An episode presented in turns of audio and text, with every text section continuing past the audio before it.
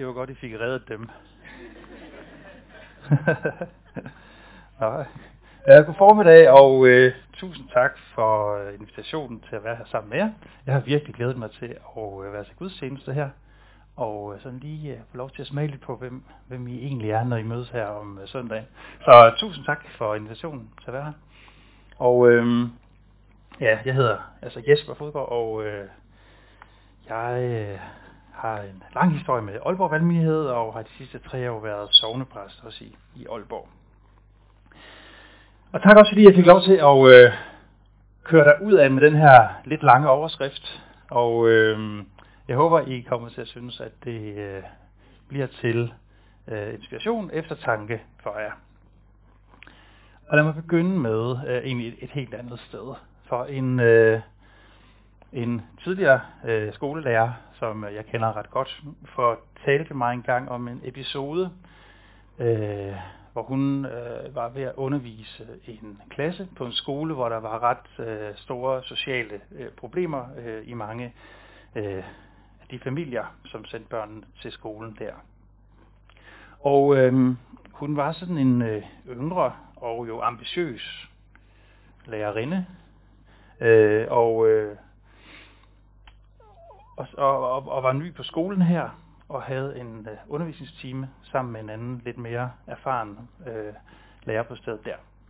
Og øh, sådan undervejs i timen, så begynder en af pigerne i, i klassen der og øh, lægge sig sådan ind over øh, bordet, og jeg ved ikke, om I kender bevægelsen. Sådan mere og mere sådan, og så, og så er man helt væk.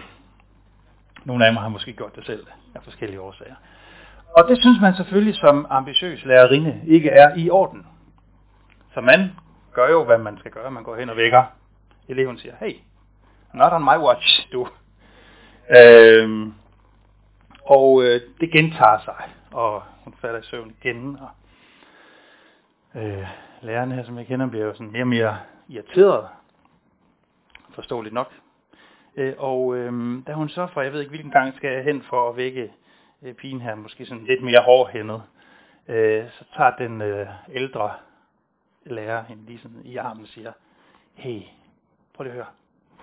Den her pige, hun øh, kommer fra et hjem, hvor øh, forældrene de tit slår sig. Hun har måske siddet hele natten inde under køkkenvasken og passet på sin lillebror, mens øh, forældrene har raseret lejligheden og, og køkkenet. Måske er det bedste, du kan gøre for hende, bare lade hende sove. Så lad hende sove. Og det gjorde hun selvfølgelig så. Og det er for mig blevet sådan en grundhistorie om noget af det, vi skal være sammen med om i dag, nemlig øh, barmhjertighed. Der er i kristendommen et stærkt, stærkt kald til at leve barmhjertigt. Og det er det, vi skal dykke ned i i dag. Og nogle gange skal vi lade hinanden sove. Nogle gange er det det, vi har brug for. Øh, og barmhjertighed kan også se ud på mange andre måder. Jesus han siger i den øh, evangelie tekst, jeg gerne vil læse for jer i dag, nemlig lige præcis sådan her. Det er fra Lukas evangeliet kapitel 6. Vær barmhjertige. Vær barmhjertige. Som jeres far er barmhjertig. Døm ikke, så skal I ikke selv dømmes. Fordøm ikke, så skal I ikke selv fordømmes. Tilgiv, så skal I få tilgivelse. Giv, så skal der gives jer. Et godt presset, rystet, topfyldt mål skal man give jer i favnen, for det mål, I måler med, skal I selv få tilmålt med. Vær barmhjertige, siger Jesus. Og det her er sagt til en bestemt gruppe mennesker på en bestemt, et bestemt sted i en bestemt tid. Men det er også sagt til hele menneskeheden. Så det Jesus han egentlig siger her, det er kære menneskehed. Kære mennesker til alle tider på alle steder. Vær barmhjertige over for hinanden. Se i noget til hinanden. Se med velvilje på hinanden. Bær over med hinanden. Tilgiv hinanden. Lad hinanden sove. Vær milde og nådige. Regn med, at dit medmenneske begår fejl. Sikkert mange fejl. Sikkert møg irriterende fejl. Og regn med, at du selv gør det. Så husk også, kære menneskehed, sådan hører jeg Jesus sige det her, også at le af jer selv og af hinanden. For mennesket kan ikke trives uden barmhjertighed. Vi er som mennesker jo både på den ene side jo sådan egentlig ret hårdføre og stærke og kan klare mange ting. Men vi kan grundlæggende set ikke blomstre, hvis vi lever i familier, i fællesskaber, i kirker og i samfund uden barmhjertighed. Vær barmhjertige, sagde Jesus altså for 2000 år siden. Og en romersk borger for 2000 år siden, der havde hørt det her, øh, den her opfordring til at være barmhjertig, han ville have kigget sådan helt uforstående på Jesus. Og så ville han have spurgt, barmhjertighed, hvad er det? Det ord ville han øh, sandsynligvis ikke kende. Og hvis han fik forklaret, hvad Jesus han mente med ordet barmhjertighed, så ville han skynde sig at sige, øh, det bliver stort nej tak herfra. For barmhjertighed, det var ikke en værdi, som samfundet dengang, det romerske samfund dengang, var bygget på. Det var bygget på den stærkes ret. Det var bygget på, at den, som havde magten, skulle udnytte den til det yderste. Besejrede byer og besejrede lande, de blev ikke mødt med barmhjertighed og mildhed og noget og tilgivelse. De blev mødt med et benhårdt krav om underkastelse. Så barmhjertighed? Nej tak.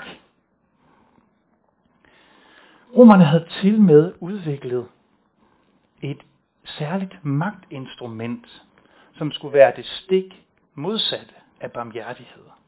Og det kender I godt, for I har det rundt omkring i jeres kirke her. De havde udviklet korset som det torturinstrument, som den henrettelsesmetode, de brugte, når de skulle tydeliggøre allermest, at her fandtes ikke barmhjertighed. Her er du uden for rækkevidden af, hvad du kunne komme i nærheden af at forestille dig barmhjertighed det var. Når de skulle vise det, demonstrere det allermest tydeligt, så klyngede de mennesker op på korsene. Nogle gange i lange rækker i indfaldsbyerne til byerne. Og enhver borger i de romerske byer ville vide, hvordan det lugtede, når kroppe de hang der og rødnede op på korset, som et vidnesbyrd om, at barmhjertighed findes ikke. Så på mange måder havde barmhjertigheden ret svære kår dengang. Ligesom barmhjertigheden har haft det lige siden på forskellige måder. Også i dag, synes jeg, i vores samfund, at barmhjertigheden har svære kår. Og øhm, jeg vil godt invitere til sammen med mig lige sådan at, at kigge på vores samfund et øjeblik med de her, øh, med de her briller. Jeg, jeg, jeg, jeg, jeg tror egentlig, øh, vi er sådan på vej et meget farligt sted hen som, som samfund i den her tid. Og nogle af jer kender måske det australske rock-ikon øh, Nick Cave. Mange kender ham. Okay, det er simpelthen for lidt. Nick Cave, ham skal I ind og høre. Han er øh, australsk øh, rockmusiker og rockikon. Øh, man skal ikke høre ham for længere gang, så bliver man sådan rimelig sort indeni. Han, er, øh, han har en tendens til det dystre, men han er også en fantastisk spændende øh, kunstner og musiker. Han øh, skriver en refleksion omkring barmhjertighedens vilkår i vores samfund i dag. Og jeg synes, det er virkelig interessant, hvad han, hvad han skriver. Han skriver, at det han kalder cancel culture, og som vi møder hele tiden i det offentlige rum lige for tiden. Altså den her bevægelse, som handler om, at man skal trække støtte til, eller lige frem udskamme øh, personer eller virksomheder, fordi de mener eller gør noget, som nogen synes øh, sover deres følelser, eller på en eller anden måde er krænkende. Altså hele kulturen omkring det at være krænkelsesparat og være politisk korrekt, det er, siger Nick Cave, selve antitesen. Altså det modsatte af barmhjertighed. Og han skriver, at politisk korrekthed er blevet den ulykkeligste religion i verden. Vi vader rundt i det her hele tiden, og det er utrolig let at give eksempler på det. Så det skal vi selvfølgelig gøre. Øh, jeg, jeg, jeg er gammel typo, og øh, jeg måtte bare undres, da mit lokale bryghus, Tisted Bryghus, for øh, nogle få dage siden, og på forsiden af mange medier i Danmark, måske øh, også her i Kolding, øh, fordi de, de, havde, de har et koncept med, at man kan øh, købe deres, jeg tror det er deres klassikøl, som jo er fremragende. Øh, og har vundet mange priser, vil jeg gerne lige øh, sige. Øh, og øh, så kan man øh, købe sit, uh, lave sit eget logo og sætte på den der øl. Det havde uh, Pernille Vermund fra Nye Borgerlige gjort.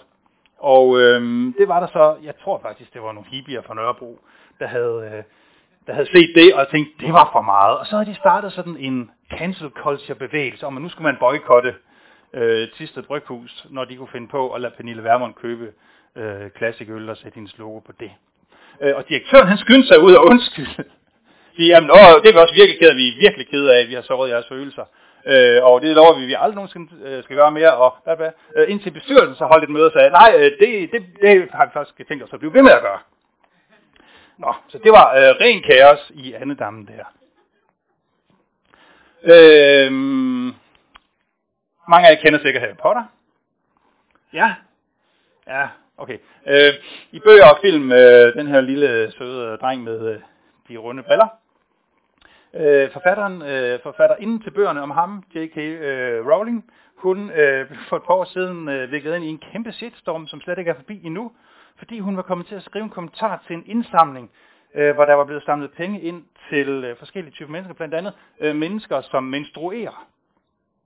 Det var på Twitter. Og så skrev hun en kommentar, mennesker, som menstruerer, spørgsmålstegn, er det ikke det, man plejer at kalde kvinder? Øh, og øh, det udløste en, et gigantisk stormløb imod hende. Fordi når hun kunne skrive sådan, så måtte hun være transfob. Øh, og øh, hun blev øh, bombarderet i en kæmpe shitstorm, også af flere af de skuespillere, som er blevet kendt og milliardærer på hendes film, på at deltage i hendes film. Så øh, nu skulle hun øh, med, den der, øh, med det der udsagn, som man også bare kunne læse med et lille glimt i øjnene, øh, var hun så blevet dømt for at være hadefuld og transfob og diskriminerende. Her i, øh, lige før i forsommeren, der læste jeg, at det, som det, øh, på det samfundsvidenskabelige fakultet i øh, København, på Institut for Statskundskab, der øh, besluttede ledelsen at stoppe en tradition, øh, man havde der på stedet, med at opdele nye studerende på hold, der så får et landenavn som holdnavn. Altså øh, når de skulle ind, øh, introduceres til studiet og hinanden og lave de der ryste sammenleje, så var der nogen, der var Kina, og nogen var Sverige, og nogen var Tyskland, og nogen var Mexico. Det, øh, måtte, det stoppede ledelsen så, fordi de mente, at det kunne være krænkende. Fordi man kunne komme til at fremstille øh, landet som øh, stereotypt. Så foreslog de studerende, kan vi så godt bruge farver eller stjernetegn for at dele øh, studerende op. Øh, nej, det kunne man heller ikke. Så det blev vurderet, at de nye studerende fremover ville blive opdelt i hold, øh, som får et uh, talnummer. Og da jeg læste den artikel, så kiggede jeg sådan efter den der bjælke, der står sådan øh, satire øh, i, i toppen, men den var der ikke. Knæme, den var der ikke. Og jeg tænkte, hey, hallo, kan vi godt, kan vi godt lege, der en voksen til stede et eller andet sted? please, kan der ikke godt på det samfundsvidenskabelige fakultet i Københavns, på Københavns Universitet være en voksen? Og samtidig med, med det, så havde jeg sådan en fornemmelse af, at ah, der er noget vigtigt øh, i os og imellem os, som, som dør af det her. Og, og I har sikkert jeres egen historier. Jeg tænkte det samme, da man øh, også for et år eller halvandet siden diskuterede om i fuldt alvor, om man har lov til at synge den danske sang af en ung blond pige fra højskolesangbogen. Eller øh, om det er okay for en øh, skuespiller med hvidpigmenteret hud at lægge stemme til en tegneseriefigur, hvor tegneseriefiguren øh, har mørk pigmenteret hud. Eller må en hvidpigmenteret digter oversætte digte, som er skrevet af en, øh, jeg ved ikke om man må sige mørk eller ikke hvid pigmenteret digter. Der er noget i os, som er i gang med øh, at dø af det her. Og det, der dør imellem os, synes jeg, det er blandt andet, og måske især, barmhjertigheden og humoren, og jeg ved næsten ikke, hvad der er mest ulykkeligt. Og man kunne fortsætte i, i lang tid med det, det, det, det skal vi ikke. Nu bliver vi bare i dårligt humør. Tankevækkende er det dog, at øh, nogle af de grupper, som øh, påberåber sig mest frisind og mangfoldighed og rummelighed i virkeligheden, er dem, der er mest intolerante og mest brutale i deres udøvelse af magt over for mennesker, som synes noget andet end dem selv. Så hvis der er noget, vi har desperat brug for, men mangler i de her debatter, så er det barmhjertighed og humor. Og de to, de hænger tættere sammen, tror jeg faktisk, end vi skulle tro. Så jeg ved godt, det er en lipsered, men skal vi ikke bare lige røre rundt i den i dag og se, hvad der sker. Ja, øh, Nick Cave, han, han fortsætter. Barmhjertighed er en værdi, som bør være i centrum af et hvert velfungerende og tolerant samfund. Barmhjertighed anerkender, at vi alle er uperfekte. Og ved at gøre det, altså ved at anerkende, at vi alle er uperfekte, og det gælder også os selv, så får vi ilt nok til at kunne ånde frit. Og til at føle os beskyttede i et samfund gennem vores gensidige fejlbarlighed. Er det ikke smukt skrevet? At ved at erkende, at ja, jeg er uperfekt. Jeg tager fejl indimellem. Det ved jeg godt. Øh, og ved dig, det gør du også. Det er der en beskyttelse i. Vi beskytter hinanden ved at erkende vores gensidige fejlbarlighed. Jeg synes, det er virkelig, virkelig skarpt og godt skrevet. Og uden barmhjertighed, skriver og fortsætter han, mister et samfund sin sjæl. Fordi der, hvor der er barmhjertighed imellem mennesker og imellem fællesskaber, så kan vi godt som mennesker begå fejl. Vi kan udforske idéer og tanker. Vi kan danse og komme til at træde hinanden over tæerne. Sige, ups. Vi kan være modige og dristige og undersøge tanker og idéer.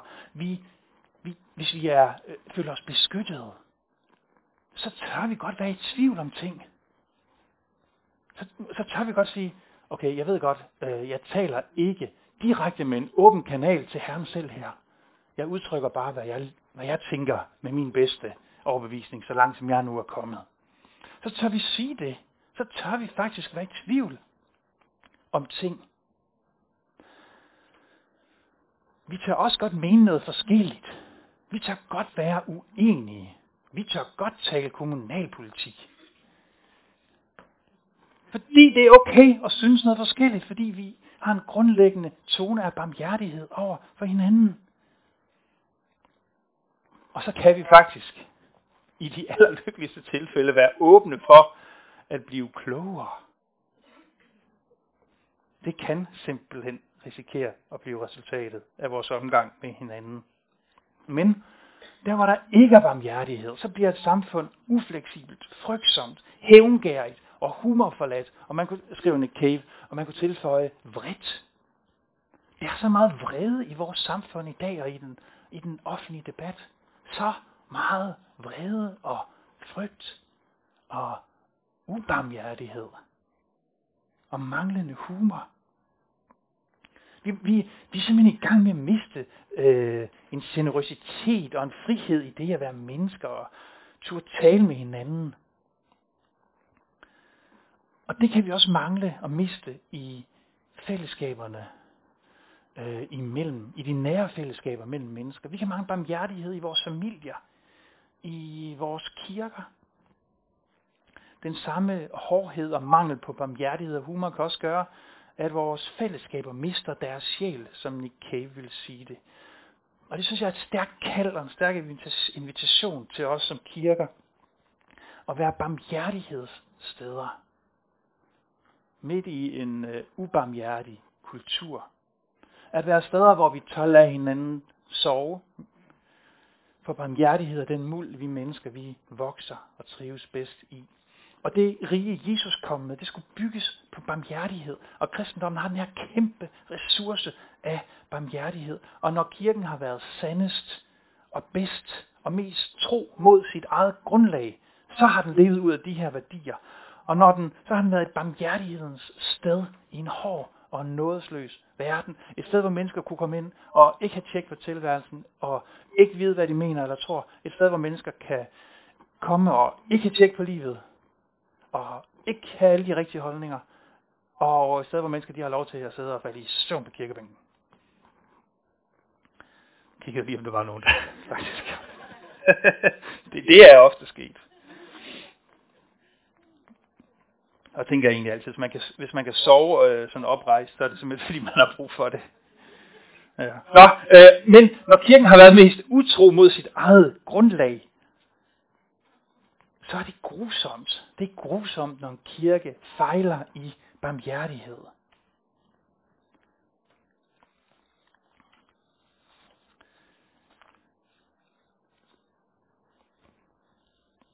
Barmhjertighed kommer dybe. Barmhjertighed det er jo ikke noget, vi selv kan opfinde, eller selv kan tage, tror jeg. Barmhjertighed kommer kun af oplevelsen af, at vi selv er mødt med barmhjertighed. Af Gud selv. Fordi ofte er vi vel egentlig vores egne hårdeste dommere. Hele øh, krænkelseskulturen, hele vredeskulturen har jo også sådan en en, øh, tror jeg, en indadvendt side, en usynlig side. Den iver, hvormed vi har travlt med at dømme andre, og blive krænket over alt muligt, også i kristne religiøse miljøer. Den iver, vi har med at dømme andre, afslører nok ofte, hvor hårdt vi dømmer os selv. At vi lever vi kan leve under sådan en konstant fordømmelse af os selv, og det kan være svært for os at leve i tilgivelsen selv. Og så får vi lov til at høre i dag, at Gud er barmhjertig. At grundrelationen i vores liv, den mellem os og Gud, at den er bestemt af barmhjertighed. At Gud selv har sat det fortegn. At det har du ikke sat. Det har Gud sat det fortegn. Han ser i noget på os. Han ser med velvilje på os. Han bærer over med os. Han tilgiver os. Han er mild og nådig over for os. Han regner med, at vi begår fejl. Jeg er helt sikker på, at han også regner med, at vi tager fejl. Og så tror jeg helt bestemt, at Gud han indimellem os må le af vores særheder og mærkelige påfund. Måske lidt på samme måde, som vi kan finde på at le af børn, der drøner rundt og finder på de skøreste, sjoveste ting. Jesus han kigger ikke efter splinter i vores øjne.